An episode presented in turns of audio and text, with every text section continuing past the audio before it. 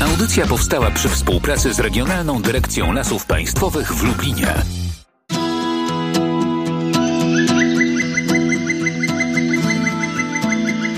Leśne wędrowanie. A oczywiście, warunki mamy teraz przepiękne, przepiękne zimowe warunki. Oczywiście przepięknie wygląda tylko za okna, ponieważ w lesie jest naprawdę teraz ciężko w pracy. Nam leśnikom, my sobie dajemy radę, ale nasi pracownicy, drwale i osoby, które pracują w zagospodarowaniu lasu naprawdę mają w tej chwili bardzo ciężko. No ciężko, ciężko, ale też i równie pięknie i to nie tylko za oknem. Byłam, zasmakowałam wczoraj chociażby na terenie Nadleśnictwa Janów Lubelski, Lasy Janowskie. Tak jak pan leśniczy Leśnictwa Kalenne, pan Tomasz Kuchciak mówi, rzeczywiście pięknie jest i naprawdę nie tylko to, co widzimy za oknem, ale można troszeczkę poszczękać e, zębami, trochę się omarzłam, nie powiem, ale cała i zdrowa Jestem już razem z Państwem. Sprzed mikrofonu kłania się Magdalena Lipiec-Jaremek, a Krzysztof Mysiak ten program zrealizuje. No i w odpowiedzi na te słowa pana leśniczego od razu pan Stanisław mówi, że to, co widzimy za oknem, pisząc do nas oczywiście na adres lasmałparadio.lublin.pl, to, co widzimy za oknem, to prawidłowe parametry, jakie powinna mieć zima w naszym klimacie.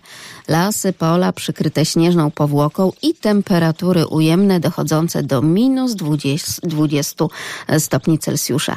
Ja na taką zimę, pisze pan Stanisław, czekałem 5 lat, aby w końcu wyczyścić w chrupiącym śniegu moje dywany i chodniki.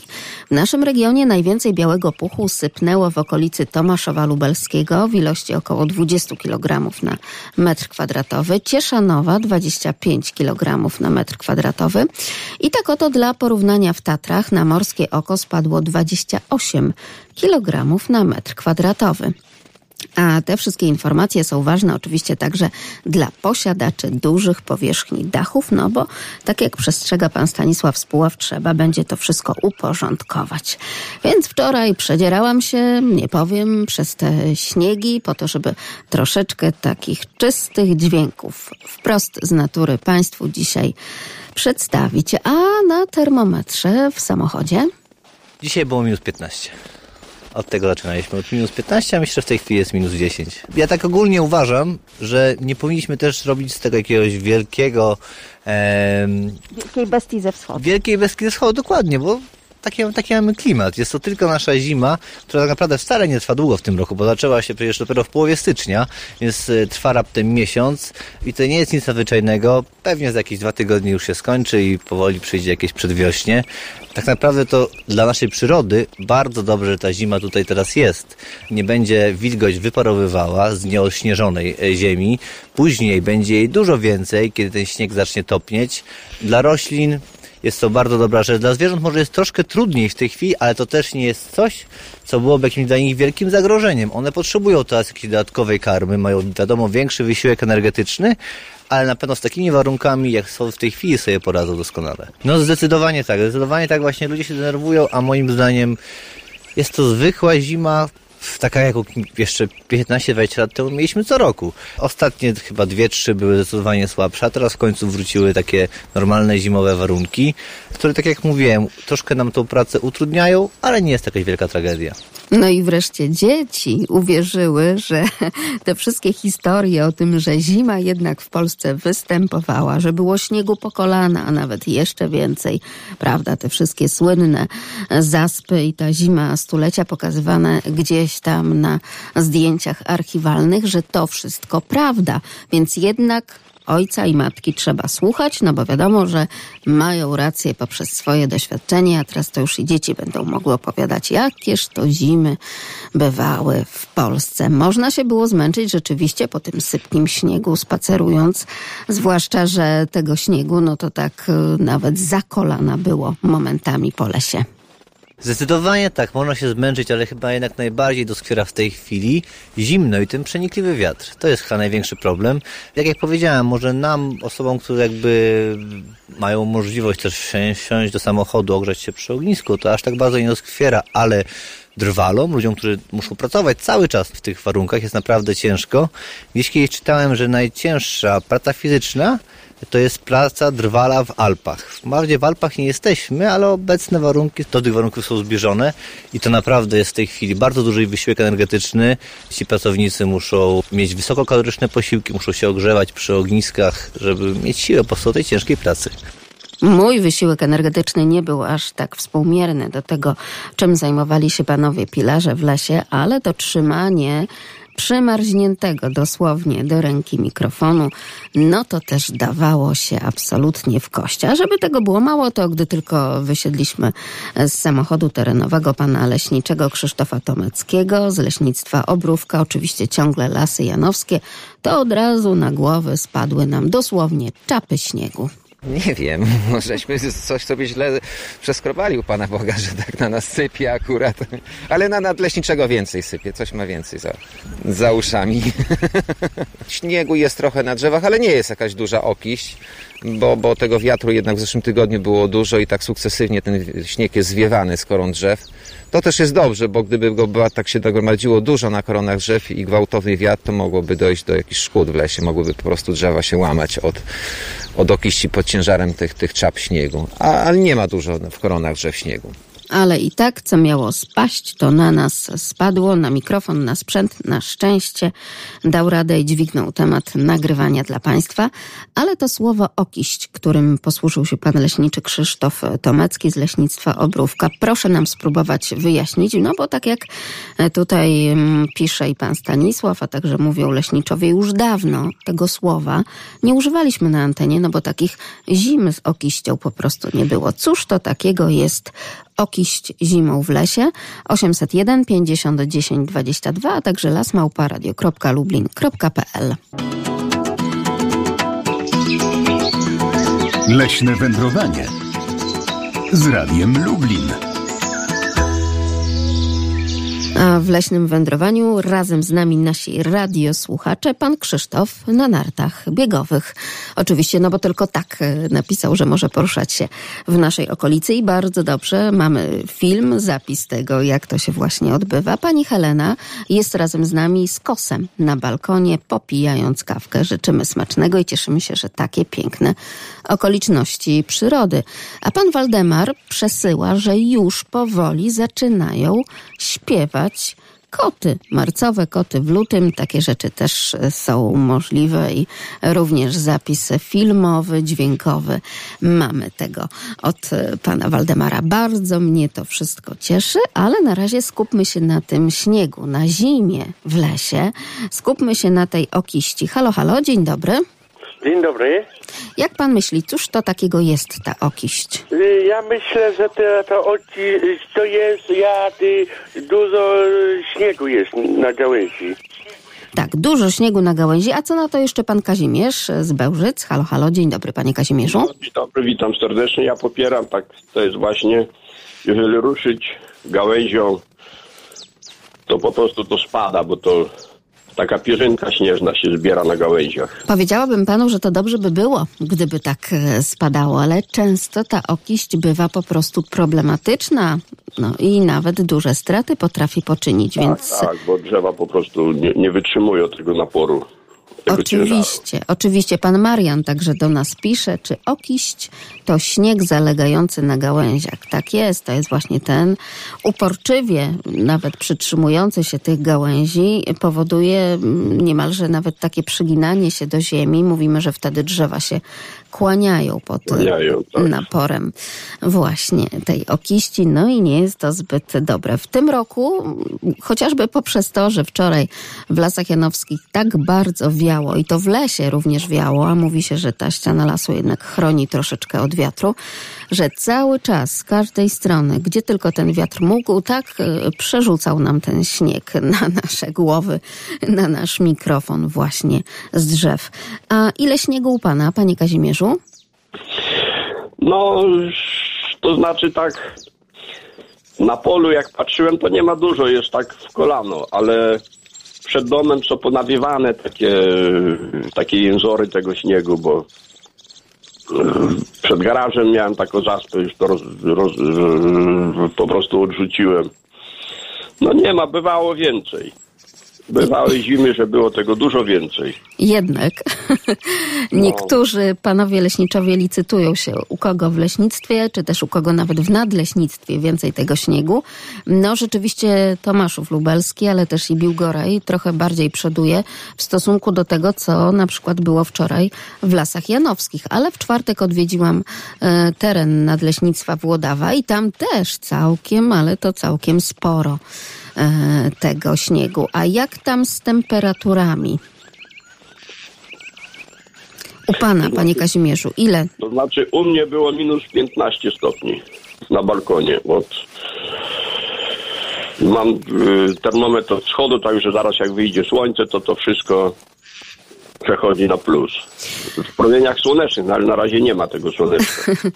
Bardzo mi się podobają także takie prognozy, jaka tak naprawdę de facto jest odczuwalna temperatura. I nie wiem, czy pan kojarzy, ale w ostatnich dniach temperatura odczuwalna w Tatrach, i mówimy tutaj o szczycie, dosłownie o łomnickim szczycie, e, to było minus 63 stopnie temperatura odczuwalna. No, na naszym Kasprowym Wierchu, bo tutaj to oczywiście mówimy o łomnickim szczycie po stronie słowackiej, na naszym Kasprowym raptem tylko tam 40 kilka, tak do 53, więc tak jest z tą odczuwalną temperaturą. No u nas też całkiem, całkiem sporo, prawda? Przecież to tej bestia ze wschodu wschód lubi. No właśnie, to znaczy ja zauważyłem, że jak nie ma podmuchów wiatru, to tego mrozu się tak nie odczuwa. To znaczy gdzieś tam pod nosem czuć jest takie, ale bywały zimy, że przy takim mocnym wietrze, przy zawieli jakiejś, no to nadmuchało człowiekowi wszędzie i to się odczuwało od razu. Ja wczoraj też to odczuwałam, zwłaszcza kiedy tak troszeczkę dłużej pospacerowaliśmy po tym lesie od jednego punktu do drugiego punktu i takie słowo, które przypomniał nam jeden z radiosłuchaczy, bodajże pan Andrzej kilka dni temu, musiałam zabijać ręce. Trudne to było, bo w jednej dłoni trzymałam mikrofon, a w drugiej sprzęt, ale dałam radę. Jeśli chodzi o temperaturę, to w okolicach Górecka, Górecko-Kościelne, oczywiście Roztocze, też minus 15 na dziś. Taki to stan temperatury. Bardzo dziękuję panie Kazimierzu, wszystkiego dobrego. No to powróćmy jeszcze, pozdrawiam, to powróćmy jeszcze do tej okiści na drzewach. Oczywiście fachowiec nam to wytłumaczy, pan leśniczy Krzysztof Tomecki, Leśnictwo Obrówka, teren Lasów Janowskich. Spoglądamy do góry i... Okiś to jest nagromadzony śnieg na gałęziach drzew iglastych, na, w koronach drzew. Drzewa iglaste mają po prostu zimą tą, tą, tą szatę gęstą i, i, i na nich może zgromadzić się duża, duża warstwa tego śniegu. Czasem są takie warunki sprzyjające do tej okiści takiej mm, niebezpiecznej. Spokojnie padający, mokry śnieg, on nie jest zwiewany, tylko w całości osadza się na koronach drzew. Może w, po takiej pogodzie, gdzie tego, tego śniegu się dużo nagromadzi, przyjść przymrozek i on przymarza do tych gałęzi, nie zsuwa się, jest jakby taki przycementowany, przyklejony do tych. I po takiej pogodzie, z kolei, jeżeli nastąpi zmiana pogody i, i będzie wietrznie, to mogą być bardzo duże straty. Wtedy drzewa są wyginane, wyłamywane, nawet przewracane z całymi korzeniami jako całe drzewa. Taka okiś zdarza się rzadko, co kilka, kilkanaście lat potrafi duże straty powodować, szczególnie w okresie, kiedy drzewa jeszcze nie zrzuciły liści. Zdarzają się takie opady śniegu w październiku, w listopadzie, jeszcze takie gatunki jak dąb, jak olcha, brzoza, potrafią być jeszcze w liściach i one są jakby naturalnie nieprzystosowane, żeby znosić takie obciążenie śniegu i wtedy y, są wyginane masowo, łamane, to, to, to potrafią być bardzo duże straty. Młode drzewa szczególnie, to są takie młodniki, to są duże straty i to ciężko później coś z tym zrobić, bo są zbyt młode, żeby je wycinać, nie wiadomo, czy, czy, czy co tym robić. To nawet tak bywało, że po ustąpieniu tej okiści, jak ten śnieg się opadł, stopił się, bo to jeszcze przecież jest jesień, to tośmy prostowali takie drzewa ręcznie, prostowali, one wracały do, do tej pozycji pionowej, takiej normalnej bo pozostawienie ich to, to, to zostawały takie wygięte, krzywe, złamane. No już złamane to się nic nie da zrobić, ale takie wygięte. Niesamowite, jakżeż to musiała być syzyfowa i taka mrówcza praca. Pójść do lasu i podnosić te biedne, pokłonione z powodu tej okiści drzewka do góry. Dzień dobry, pani Janino. Dzień dobry, dzień dobry. Ja chciałam powiedzieć o kiści, y, takiej z innej pory roku, a mianowicie przypominam sobie wiersz Juliana Tuwima, Rwanie bzu i tam było tak, ta sentencja była, że ptak tam się gdzieś zawieruszył, okiść wilgotną bzu, bo może to dotyczyć jeszcze właśnie wtedy, kiedy po, po deszczu są takie zwisające te y, duże grona kwitnącego bzu i one też tak y, na dół y, po prostu ociekają. A poza tym jeszcze mówią odnośnie zbierania owoców, że okiść, okiść duży, na przykład urodzaj, jak są porzeczki, to też tak zwisają. No tutaj to tak, okiść też to samo, to samo, bo pod wpływem ciężaru czegoś, prawda?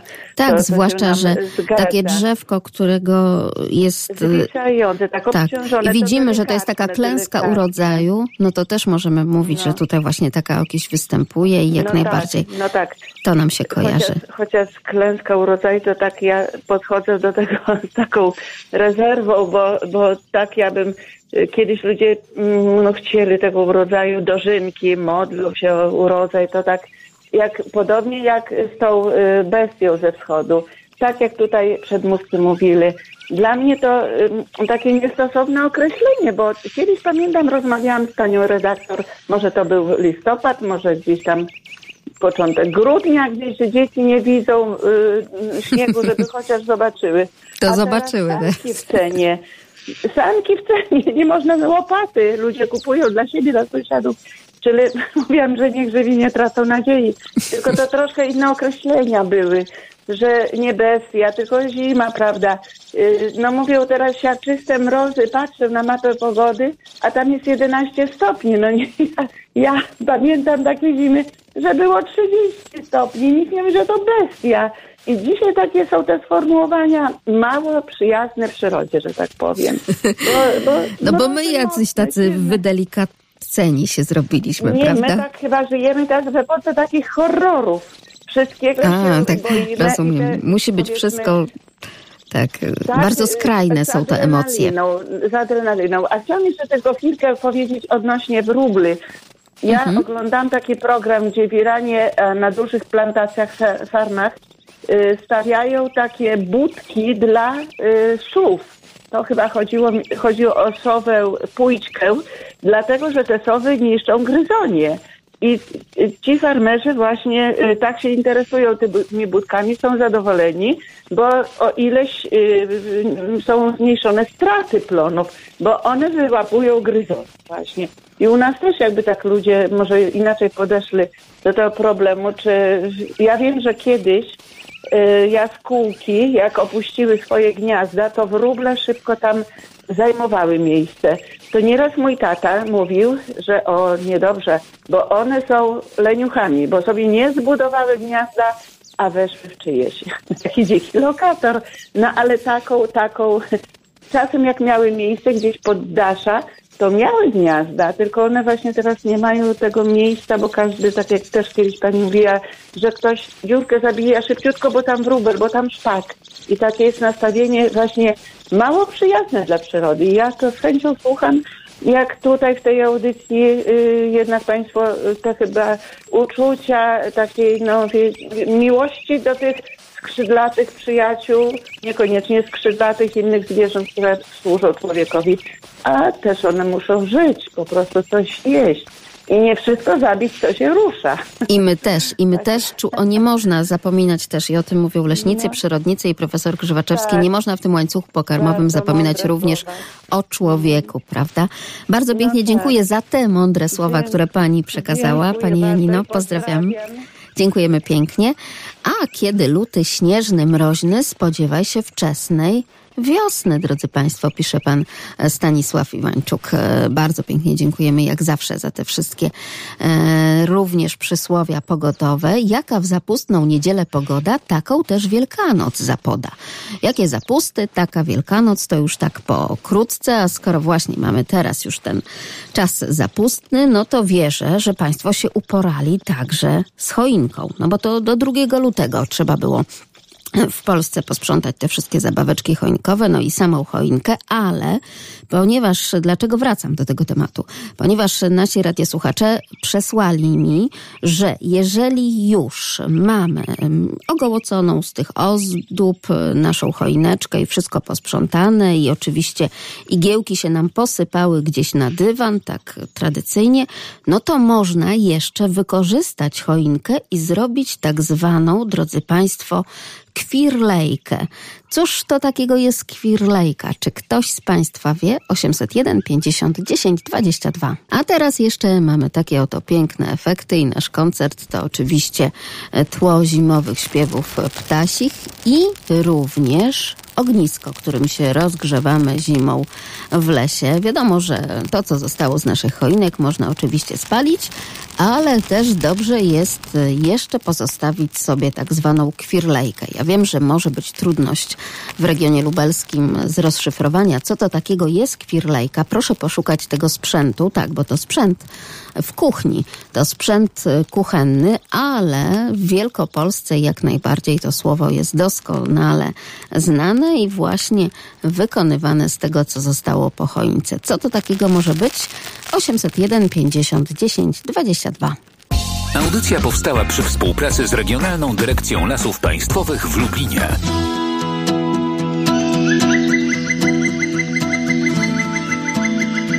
Leśne wędrowanie. A w naszym leśnym wędrowaniu już oczywiście ludowe przepowiednie pogodowe związane z zapustami. Jakie zapusty taka Wielkanoc? Zobaczymy, jak bardzo to się nam wszystko sprawdzi. Jaka w zapustną niedzielę pogoda, taką też Wielkanoc zapoda. A skoro już jesteśmy przy tych zabawach i powoli zakończyliśmy, mam nadzieję, że szczęśliwie, rozbieranie choinek już 2 lutego w Polsce, przypominamy, no to być może została Państwu kwirlejka. Dzień dobry Pani Irmino. Dzień dobry, witam Państwa. E, Świrlejka to podejrzewam, że to jest urządzenie w kuchni, dzisiejszy mikser.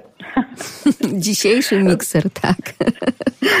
Fajnie to Pani określiła. Ale bym o tym całkiem nie pamiętała, ale e, od niedawna mieszkam w tym rejonie i rozmawiam z moją e, znajomą i ona mu opowiadam jak urządziłam sobie święta, choinkę, ona mi mówi, a zrobiłaś sobie montek? Montek w innym rejonie to właśnie świrlejka, czyli z górnej części choinki obcina się czubek, zostawia te końcóweczki gałązek i panie używały to do rozrabiania ciasta, przykładowo na naleśniki. Na przykład, tak, oczywiście, że tak, żeby nie metalowo, a właśnie tak ekologicznie, jak to się teraz ładnie, modnie nazywa. Podobne wspomnienia ma pani e, Bogumiła. Dzień dobry. Dzień dobry. Pani Magdaleno, jeżeli, jak pani tylko podała tą nazwę, to ja już domyśliłam się o co chodzi i wróciły mi wspomnienia z mojego dzieciństwa, a to lata 50. ubiegłego wieku, kiedy mieszkałam w Sieradzkim. I tatuś co roku robił właśnie y, te koziołki. To były koziołki z górnej części choinki, nie tylko z pierwszymi rozgałęzieniami, ale później grubsza rączka była i tak, taki większy koziołek już był z drugimi rozgałęzieniami. I jak teraz widzę choinki wyrzucone na śmietnik, to od razu mam skojarzenia, przypominam sobie pracę tatusia. Że taką montewkę, bo u nas rzeczywiście bardziej w regionie lubelskim no używamy ja teraz słowa tak, tak, nazywam, nazywam montewka, bo to do rozłączania. Tak. Ale w Sieradzkim u nas to były koziołki. Tak Drewniane jest. koziołki. A gdzieś w Poznańskim, bo to też regionalizm, oczywiście właśnie owa kwirlejka, nie wiem czy ja dobrze to wypowiadam, może rzeczywiście tak jak pani Irmina tutaj mówiła, że prawie świrlejka, tak to troszkę, tak, troszkę tak to brzmi po ichniejszemu. Ale nic się nie marnowało, tak? Można było rzeczywiście tak. wszystko wykorzystać. Ma pani rację, to taki smutny widok tych naszych choinek, tak, świerków już ogołoconych, gdzieś tam stojących sobie smętnie przy śmietnikach. No teraz jest taki wybór gotowizny. Ale wie pani jeszcze jak są y, y, jarmarki i są Tak. te wyroby drewniane, to, to te koziołki są. Tylko nie wiem, czy to akurat jest z, y, ze świerku. Robione akurat tak. Rzeczywiście podobne takie montewki z taką rozgwiazdką, często z drewienek Tak, po tak. prostu jakichś robione. Ma pani rację, też mi się to właśnie kojarzy. Bardzo pięknie dziękuję paniom za te wspomnienia. Jak to dobrze, że jednak wśród naszych Miłe, radiosłuchaczy... miłe wspomnienia są To dobrze. lat. Że są tacy radiosłuchacze, którzy skojarzą nawet to, co jeszcze z tej choinki zostało i co można z niej zrobić. A my, drodzy Państwo, wybieramy się w drogę. W drogę na Janów Lubelski, Lasy Janowskie. Droga, wszystkie drogi w nadleśnictwie są zasypane, a tutaj droga z Janowa do Szklarni wygląda tak jak za dawnych czasów. Zastanawialiśmy się, ile lat temu była taka piękna, śnieżna, biała zima i, i, i no, jak sięgamy pamięcią, to dobrych kilka lat. Rzeczywiście robi wrażenie. Wszyscy się cieszą, dzieci, e, mamy wielu odwiedzających w lesie e, i na nartach, i biegających, i chodzących, więc, więc te uroki zimy wróciły i miejmy nadzieję, że jeszcze jakiś czas będziemy się z tego cieszyć. Powróciły kuliki, powrócił taki zwyczaj właśnie, który, który zawsze tutaj w Lasach Janowskich był i choć teraz e, tych e, koni, e, tych zaprzęgów, e, sań jest, jest mniej, ale, ale jeszcze, jeszcze widać i wszyscy korzystają z tego i, i ta zima na to pozwala, żeby, żeby się tym cieszyć i kończyć ogniskiem, kiełbaskami i tym wszystkim, co kiedyś no, było takie dostępne. Ubiegły rok to pokazał, że, że nie, bo nie było zimy, więc nie było śniegu, więc nie było możliwości, żeby, żeby robić kuliki i ogniska tak naprawdę. Dojechaliśmy do leśnictwa Obrówka, jest to takie jedno z dwóch najbliżej położonych Janowa Lubelskiego, takie typowe dla obrębu Janów Lubelski, bardzo zróżnicowane, bogate w różnego rodzaju siedliska, atrakcyjne też krajobrazowo i gatunkowo i siedliskowo, takie, takie typowe dla lasów janowskich. A zabrał nas tam oczywiście nadleśniczy Nadleśnictwa Janów Lubelski Waldemar Kuśmierczyk, a skoro już dojechaliśmy do leśnictwa Obrówka, no to u pana leśniczego Krzysztofa Tomeckiego także będziemy się orientować i sprawdzać, jak tam w ulach zima się ma, jak te pszczoły zimą się trzymają. Ale to za chwilę. Przypominam Państwu, że jesteśmy także na portalu społecznościowym Facebook. Wystarczy wpisać tylko i wyłącznie na przykład nazwę audycji Leśne Wędrowanie, bądź też moje imię i nazwisko i od razu możemy również się zobaczyć e, poprzez zdjęcia z podróży po lasach, ale także ze sobą pokorespondować. I tak oto jeden z naszych radiosłuchaczy napisał, że przypomniał mu się dzięki tej przyrodniczej audycji jego dziadek. Dziadek był amatorem sadownikiem, ale także pszczelarzem. Do tego pszczelarstwa za chwilę powrócimy. Ale również był stolarzem i miał zrobione przez siebie gniazda dla, uwaga, 96 wróbli. Całą zimę je dokarmiał, uważał je za bardzo pożyteczne ptaki. I tak to chyba jest, że komu blisko do przyrody, no to też blisko z tym wyciągniętym sercem do tego, żeby należycie tę przyrodę traktować. Tak jak i pan leśniczy Krzysztof Tomecki z Leśnictwa Obrówka, który to może poszczycić się całkiem sporą leśną pasieką. No i od razu podpytujemy, jak tej zimy mają się po prostu pszczoły. Pszczoły się w taką zimę mają bardzo dobrze, ponieważ jest stabilna pogoda, mróz jak złapał, tak trzyma.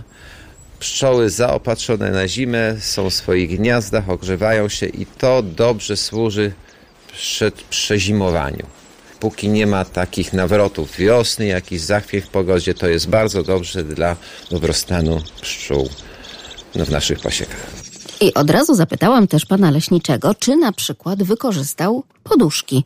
E, Poduszki, takie małe jaśki wkładane do uli po to, żeby troszeczkę no, ogrzać te nasze pszczoły podczas tegorocznej zimy, bo pamiętam, że kilkanaście lat temu gdzieś u jakiegoś leśniczego pszczelarza taki patent widziałam. No niestety zdziwił się pan Krzysztof Tomecki. No może miał ich dużo i wykorzystał je. U mnie są zabezpieczone takimi matami ze słomy, a z góry filcem i papierowymi workami po cukrze, kilka warstw papieru, to w ten sposób jest ocieplone gniazdo.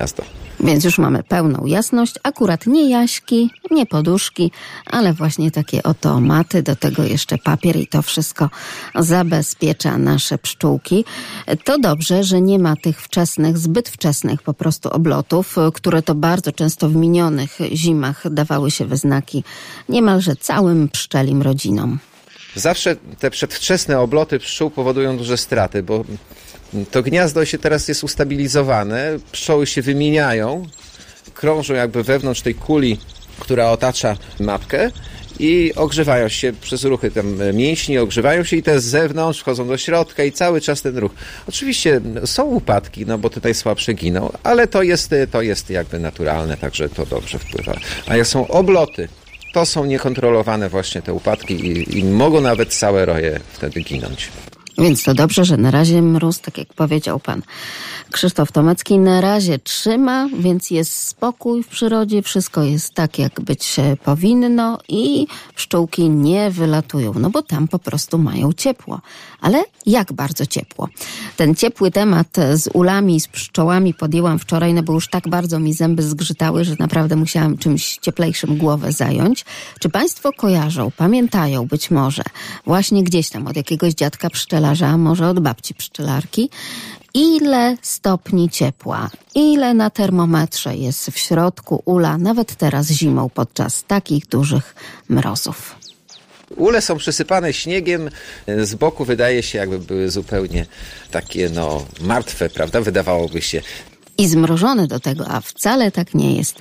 Jaka temperatura panuje w ulu podczas tak zwanej zimowli, jak też leśnicy pszczelarze nas tutaj nauczyli.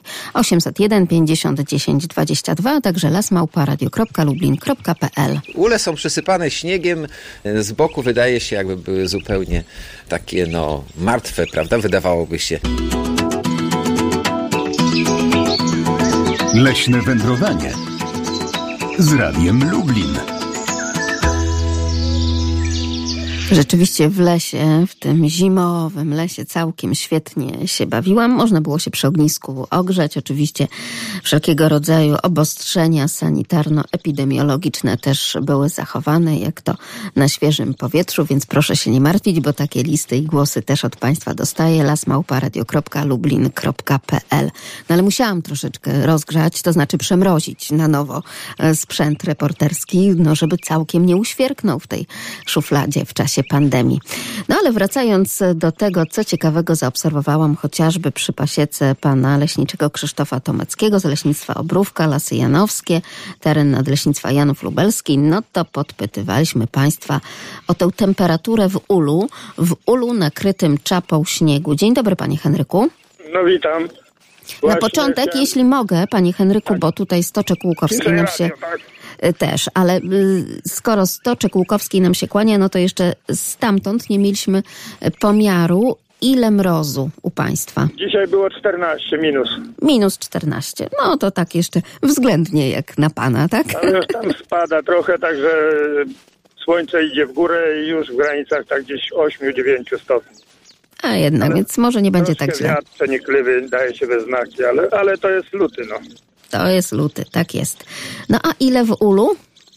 W ulu jest 36 stopni, po prostu zbliżona temperatura do temperatury ciała człowieka, która się tam waha mniej więcej 36, 6, 2, 1, tak w zależności od Tak jest. No tutaj można by tak, gdyby tak rzeczywiście włożyć ten termometr, nie niepokojąc oczywiście pszczół w zimowli, no to być może tych kilka e, stopni byłoby troszkę mniej, prawda, jeśli chodzi o zimę. Tak, bo to te dawne ule, typowe takie domki, które były ocieplane tradycyjnie słomą, bo w tej Mhm. chwili moda naszła na te steropianowe i z pianki polietanowej. Oczywiście wszystko jest ok, tylko niestety w tych ulach y, potęguje wilgoć. Tam w tych ulach była utrzymywana temperatura i klimatyzacja była naturalna, a tu jednak Oczywiście. jest zimowla gorsza. To Także prawda. to praktycznie to wygląda jednak natura swoje nie da się pokonać techniką. A pan to mówi, panie Henryku, z własnego pszczelarskiego doświadczenia? No ja już e, po prostu smakuję miód, plastry i praktykę niestety musiałem też e, przejąć po ojcu, a w tej chwili zakorzeniłem po prostu ten trend dla syna, który po prostu nie widzi, y, chociaż pracuje w odległej miejscowości w Warszawie 100 kilometrów. Y, Weekendy spełnia, spędza niestety y, w naturze przy ulach, no i jest pasjonatem myślistwa też między innymi. No to nie niestety, tylko stety, może właśnie dobrze, bo tak bliżej, bliżej natury. No natura, natura go ciągnie, co prawda wykształcenie leśnik, no i to coś tam ten mol pozostał. Tak jest, jednak zostaje. Pewnie, że tak. Wszystkiego dobrego, panie Henryku. Słyszę, że pan w trasie. No tradycyjnie jadę w okolice Kazimierza, także muszę zobaczyć jak to wygląda. Y, Na odległości tam 100 kilometrów obserwuję. Jeszcze wspomnę pani redaktor Tak? na temat tego bociana, bo śledzę Mhm. go, jego losy po prostu No i co tam u niego słychać? u niego. On czuje się dobrze, tylko y, ostatnio jadąc y, w środę i patrząc, temperatura minus 17, a on jak na jednej nodze na śniegu stoi, to tak jakby mors, załóżmy, rozebrał się do spodenek skarpet, ale już dostał y, po prostu zapomogę z gminy i jedna pani już mu podrzuca codziennie jedzenie, kurczaki, tam mięso i już wychodzi na powitanie, także już poczuł, że jest w terenie potrzebny. Także raczej zima mu nie zagraża, a i będzie to myślę, że chyba jeden z pierwszych zwiastunów wiosny w okolicy tutaj. To bardzo dobrze. Bardzo pięknie dziękujemy za te wszystkie informacje. Proszę uważnie tam trzymać mocno tę kierownicę dłońmi, bo wczoraj jak jeździłam po lesie, to naprawdę nie warto było się zatrzymywać, bo gdzieś od razu jakaś zaspa nas pochłaniała i trzeba by było wyciągać. Więc jednak tak odpowiednia prędkość i Żona mnie tutaj wspiera i pilotuje. no to bardzo dobrze. Pozdrowienia dla pani małżonki, również szerokości dla państwa. Dziękuję bardzo. I jeszcze pan Andrzej, pozdrawiamy. Pan Andrzej razem z nami. Dzień dobry. Dzień dobry, panie redaktor. Witam najbardziej naturalny, pachnący lasem zespół radiowy. Aż przyjemnie nosem pociągnę i już się czuję w lesie. I takich Panie słuchaczy redaktor. też witamy. Bardzo dziękujemy. No, włóczyliśmy się z Donatką tam miejsce takie Kunie, Sewerynówka. No, bywalcy Włóczęgi Pienińskich znają tam te tereny. I przy bocznej takiej dróżce nad Potoczkiem na Skarpie miał kilka uli pszczelarz, który akurat był tam obecny i tam pracował przy tych ulach. Bardzo chętnie wdał się w dyskusję, opowiadał o rzeczach, o których człowiek nie ma pojęcia w ogóle, no bo i skąd. I przypomniał mi coś takiego, czy pan słyszał, miły panie, takie powiedzenie wrze jak w ulu? No Tak. to hmm, zgroza, myślę sobie, no to Boże kochany, jakbym tam rękę wsadził, to poważę. A tutaj nie, okazuje się, roześmiał się przesympatyczny pszczelarz. Miły panie, sprawdź pan wszystkie hurtownie, wszystkie możliwe listy zapotrzebowania.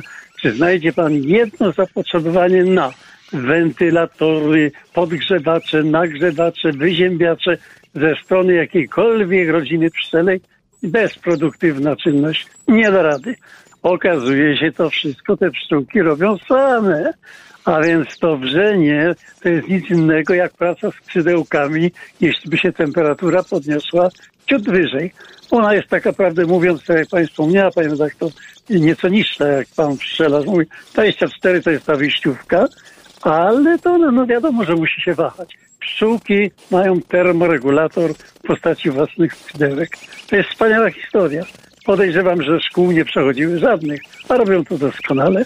Także to jest taka fajna ciekawostka, którą spotkaliśmy. Bardzo dziękuję za tę historię, za tę opowieść, jak zawsze przytoczoną. Y, Martwiąc się delikatnie o pana struny głosowe, życzę, żeby już za dużo pan się na mrozie nie całował i nie śpiewał, więc może jednak się gardło podleczy i będziemy mogli już za tydzień y, również porozmawiać. Bardzo dziękujemy panie Andrzeju. Panie redaktor, jeszcze jedno. Ja, Tak? ja nie, nie obawiam się tak. o te struny głosowe. Dlaczego? Bo jak nie mam koncertu w ciągu najbliższych dwóch dni, bo opera, y, ta, ta na Metropolitan Opera i te inne mają przerwy. Także spokojnie. Dojdę sam do siebie w swoim czasie. Niemniej chciałem tylko jedno tak radośnie powiedzieć, patrząc na to, co jest za, za oknem i na tych termometrach. Otóż tak, jeżeli się ma suche nogi i tam dobrze obute, prawda, ciepło, jeżeli grzbiet też jest otulony, no porządnie, no prócz tam uszy wiadomo i głowina, to ta zima jest cudowna. Jestem, idę o zakład o każde pieniądze. Ja ich nie mam za dużo, ale mogę pożyczyć. O każde pieniądze, to, że to, to lato to będzie raj dla grzybiarzy i przede wszystkim nie trzeba będzie witek do ręki, żeby komarzyska odganiać i zbierać kleszczyki, które gdzieś tam na obranku dość często znajdowaliśmy. Gwarantuję, bo wreszcie nastąpiła, tak natura się upomniała swoje prawa, a natura ma to do siebie, zawsze wygrywa. Także czekajmy spokojnie do lata i jak pójdziemy na grzyby, obiecuję, jak pierwszy znajdę, będę się meldował. Koniecznie przypomnimy sobie te pana słowa, panie Andrzejku. Bardzo pięknie dziękujemy, pozdrawiamy. Mnie też to zaintrygowało. Dziękuję. I też podpytywałam pana leśniczego Krzysztofa Tomeckiego, jak on to robi, że ma tak cieplutko w tych ulach, w środku w tych ulach. Przecież nie stosuje, nie wiem, jakiegoś kominka tam, nie podłącza właśnie tych wentylatorów, e, nagrzewaczy ciepła, o których opowiadał pan Andrzej. Nie, nie, nie. No i teraz właśnie pan leśniczy pszczelarz tłumaczy ta temperatura w środku no, jest dosyć spora, prawda? Bo, bo, bo to jest około 30 stopni w środku gniazda, ale jednak nie roztapia śniegu są czapami śniegu przykryte ule, bo są izolowane, także tak. No tak, no bo, bo, bo tyle matka potrzebuje, żeby przeżyć. Ona jest ciągle żywa, aktywna, teraz nie czerwi, ale pszczoły, robotnice, które ją otaczają, przez e, ruchy mięśni wytwarzają taką temperaturę, która zapewnia ciepło w mieście. A no, energię pobierają ze zgromadzonego, zgromadzonego pokarmu, zgromadzonego miodu, który mają na, na okres zimowy. Gdyby go nie miały, to wtedy by nie przetrwały, bo one jednak pobierają przez cały czas sukcesywnie i stąd mają energię, zjadają po prostu te swoje zapasy. A pan Krzysztof, który umieścił również zdjęcie e, w komentarzu na portalu społecznościowym Facebook, tuż przy naszej audycji Leśne Wędrowanie. Ech, a w moich ulikach znowu słabiutko, ale od wiosny gonimy króliczka. To dobrze, że ten optymizm jest. No i widzimy właśnie takie kolorowe ule, pełne czap śniegu.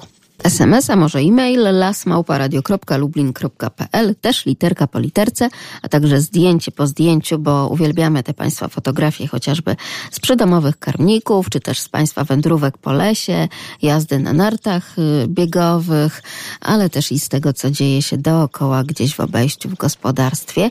No bo tak to jest, że kiedy wędrujemy sobie, no to co krok możemy kogoś ciekawego spotkać. O, ktoś jedzie. Droga zamknięta. Nie, oni sobie pojadą inną drogą. To są nasi pracownicy nadleśnictwa, którzy teraz jeżdżą i dokarmiają zwierzęta. O, to możemy tam powiedzieć. Możemy. Co oni tam wiozą? Co tam zawieźli?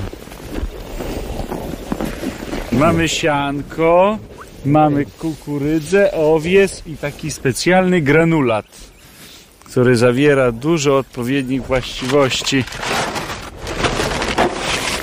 O. Granulat. To jest granulat, nie wiem dla kogo, bo to jeszcze się nie... Dla zwierzyny połowej. Dla zwierzyny połowej. Zupełnie wszystkie potrzebne Zaraz, zaraz Pani wszystko powiem. Ma odpowiednie ilości białka, wartości odżywcze, których zwierzyna teraz nie może znaleźć w lesie i pobrać, gdyż jest bardzo dużo śniegu. I musimy im dawać odpowiednie, odpowiednią karmę. I oczywiście, że zjadają. W zależności od potrzeb. Jeżeli pokarm jest pobierany i znika, to dosypujemy go częściej. Jeżeli zostaje, to nie. Dwa razy w tygodniu dokarmiamy. W tych momentach, kiedy, kiedy jest, jest potrzeba. Czyli tak jak teraz, no jest zima, taka prawdziwa zima, jest bardzo dużo śniegu. Zwierzyna ma problem z pobraniem pokarmu i musimy ją właśnie w tym okresie dokarmiać. Też mamy sól na lizawki, jest już wyłożona w lizawkach, wracamy właśnie właśnie po następny ładunek. Bo w tłusty czwartek, czyli, czyli 11 dnia lutego, obchodziliśmy dzień dokarmiania zwierzyny leśnej. No tak to było, że prawda, ludzie dokarmiali się poczkami, nawet niektórzy delikatnie przesadzali, ale nie, nie, to tak, żeby na zdrowie jednak wszystkim poszło.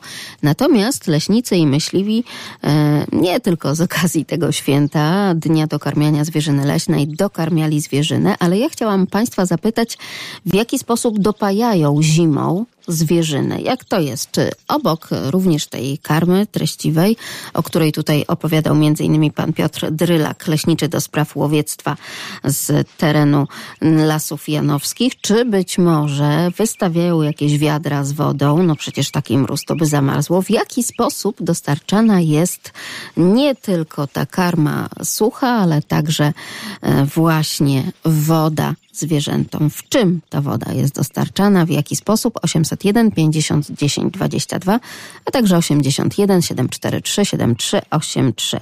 A tak oto wędrując po meandrach naszej radiowej anteny, napotykamy teraz na kolejnego radiosłuchacza, pan Grzegorz. Dzień dobry. E, Dzień dobry, witam panią, witam państwa.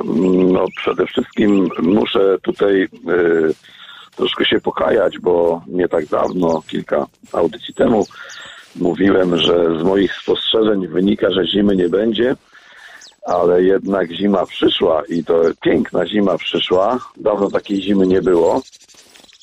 No i właśnie chciałem powiedzieć o tym dokarmianiu. Akurat trafiłem także e, tu e, pani mówiła przed chwilą o leśnikach, a ja chciałbym właśnie e, państwu, słuchaczom też podpowiedzieć, poprosić państwa, żeby państwo nawet jeżeli no, w domu jest jakieś jabłuszko, e, które już nie wygląda apetycznie, e, czy nawet skórki po jabłuszkach, czy ogryzek, to można to wynieść gdzieś pod drzewo, położyć i za, na pewno znajdą się e, jakieś ptaki, które skorzystają z tego.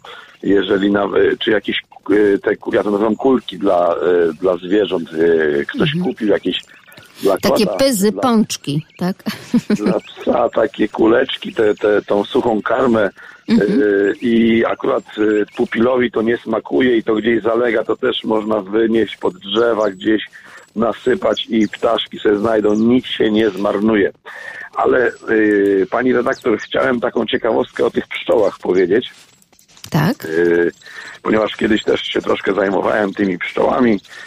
Y, właśnie y, pszczoła przez cały okres y, zimowania nie załatwia się w ulu. O tak powiem, a pokarm pobiera wolniej troszkę niż zwykle, bo ten proces jest troszkę, trochę zwolniony, ale właśnie to jest ciekawe, bo w, ciele pszczoły no, znajduje się taki magazyn taki na ten efekt y, procesu trawienia, gdzie pszczoła przez całą zimę y, gromadzi to w swoim y, ciele te, te właśnie y, y, efekty uboczne tego trawienia i y, w ulu nie zostawi y, ani odrobinki tego kału. Y, Dopiero jak temperatura na wiosnę zaczyna rosnąć, jest gdzieś około 10 stopni, to pszczoły wtedy wylatują na te obloty i wtedy opróżnia, o, wypróżniają się po prostu. Także y, miód jest zawsze czysty. No chyba, że jest jakaś choroba y, w ulu, to wtedy jest większy problem i pszczelarze po kolorze tych, y, tej y, oddawanego tego kału y, oceniają y, kondycję i zdrowie pszczół na wiosnę.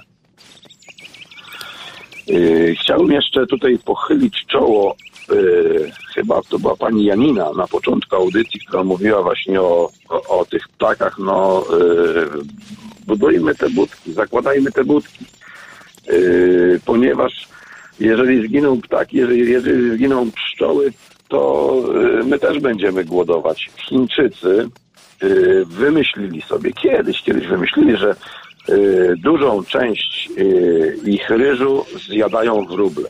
Spróbowali te wróble wytępić, no i udało im się. Częściowo y, to zdyscyplinowany naród y, sposobem, y, już nie będę opowiadał w jaki sposób to zrobili, ale wytępili masę tych wróbli, no i co się okazało, zaczęli głodować. Zaczęli głodować, bo szkodniki y, zjadały y, więcej ryżu, y, te szkodniki, które, y, które, które zjadały wróble oczywiście. Y, zjadały więcej ryżu niż y, te wróble, które żywiły się tym ryżem. Także zaczęli głodować. Y, No i to jest y, powód, dla, dla którego no, trzeba by było y, te ptaki jakoś utrzymywać w, w jakiejś dobrej ilości i kondycji. na przykład taki szpak, który jest ptakiem, yy, no różnie ludzie na to spoglądają, na tego ptaka. Każdy go kojarzy raczej z takim kombajnem czereśniowym, ze, ze szkodnikiem, ale kiedy yy, yy, okres lęgowy się zaczyna od tych ptaków, to są tak aktywne w tej trawie, wyszukują różnych szkodników. No i oczywiście no, kleszcze, yy, jakieś tam yy, niepożądane też robale zjadają. Masa. No dopiero później tam lecą sobie na te czereśnie, e, których ludzie potem pilnują i, i nie lubią szpaków na przykład, ale to są bardzo pożyteczne ptaki. Jest coraz mniej tych dziupli naturalnych, bo te stare drzewa są albo wycinane, albo same umierają naturalnie, także e, no, można taką budkę czy samemu zbudować, czy zamówić przez internet i powiesić gdzieś na działce, y, czy gdzieś przy, przy domu, czy na jakimś drzewie. Także to będzie z korzyścią I dla to się dla sprawdzi. Oczywiście, że tak. Bardzo pięknie dziękujemy Panie Grzegorzu. Wierzymy, że właśnie tak jest u Pana. My to nawet wiemy, bo widać to na zdjęciach, które Pan do nas e, przesyła. Bardzo pięknie dziękujemy i powracamy do tego dnia do karmiania dzikiej zwierzyny leśnej.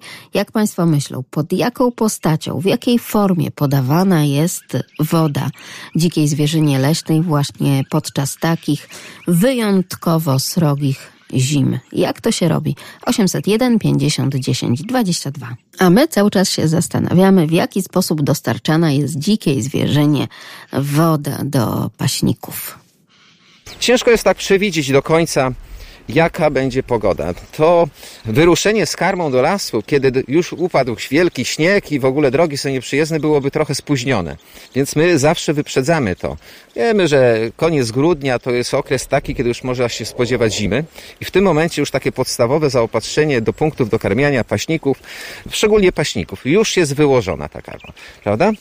I w tym momencie zwierzyna w razie potrzeby, gdy, gdy, gdy, gdy ten okres głodu nastąpi, może skorzystać. I to codziennie służba leśna, tutaj pracownicy łowiectwa przyjeżdżają obserwują. Jeżeli w którymś z paśników zaczyna znikać siano, czyli jest pobierane, no to się go uzupełnia. Później e, w okresie, w którym następuje długi okres mrozu, tak jak teraz, pojawia się inny problem. Pojawia się deficyt wody ponieważ zwierzyna nie korzysta z wody zamarzniętej, czyli ze śniegu, ani z lodu. Bo wydatek energetyczny przeznaczony na stopienie tego y, lodu, żeby zamienił się w wodę przyswajalną, jest większy niż korzyść z z zapotrzebowania na wodę, prawda? Napicia się po prostu. Także Jeleń nie jest tak mądry, że sobie, sobie zrobił przeręble, prawda? No niestety przerębli sobie nie zrobią, czy w takim razie pod postacią warzyw i owoców, na przykład marchewki albo buraków dostarczana jest ta woda, pyta pan Krzysztof. I tutaj pojawia się kolejny rozwój dokarmiania karmą soczystą. To są marchewka, kapusta, buraki. Najczęściej są buraki, bo są bardzo dostępne, dobrze tolerowane przez zwierzynę, bo one zapewniają właśnie tą podstawową, minimalną ilość wody, która jest potrzebna do przeżycia w tym okresie. W takim razie wszystkim Państwu życzymy smacznego i do zobaczenia w lesie. Magdalena Lipiec-Jaremek, kłaniam się, do usłyszenia.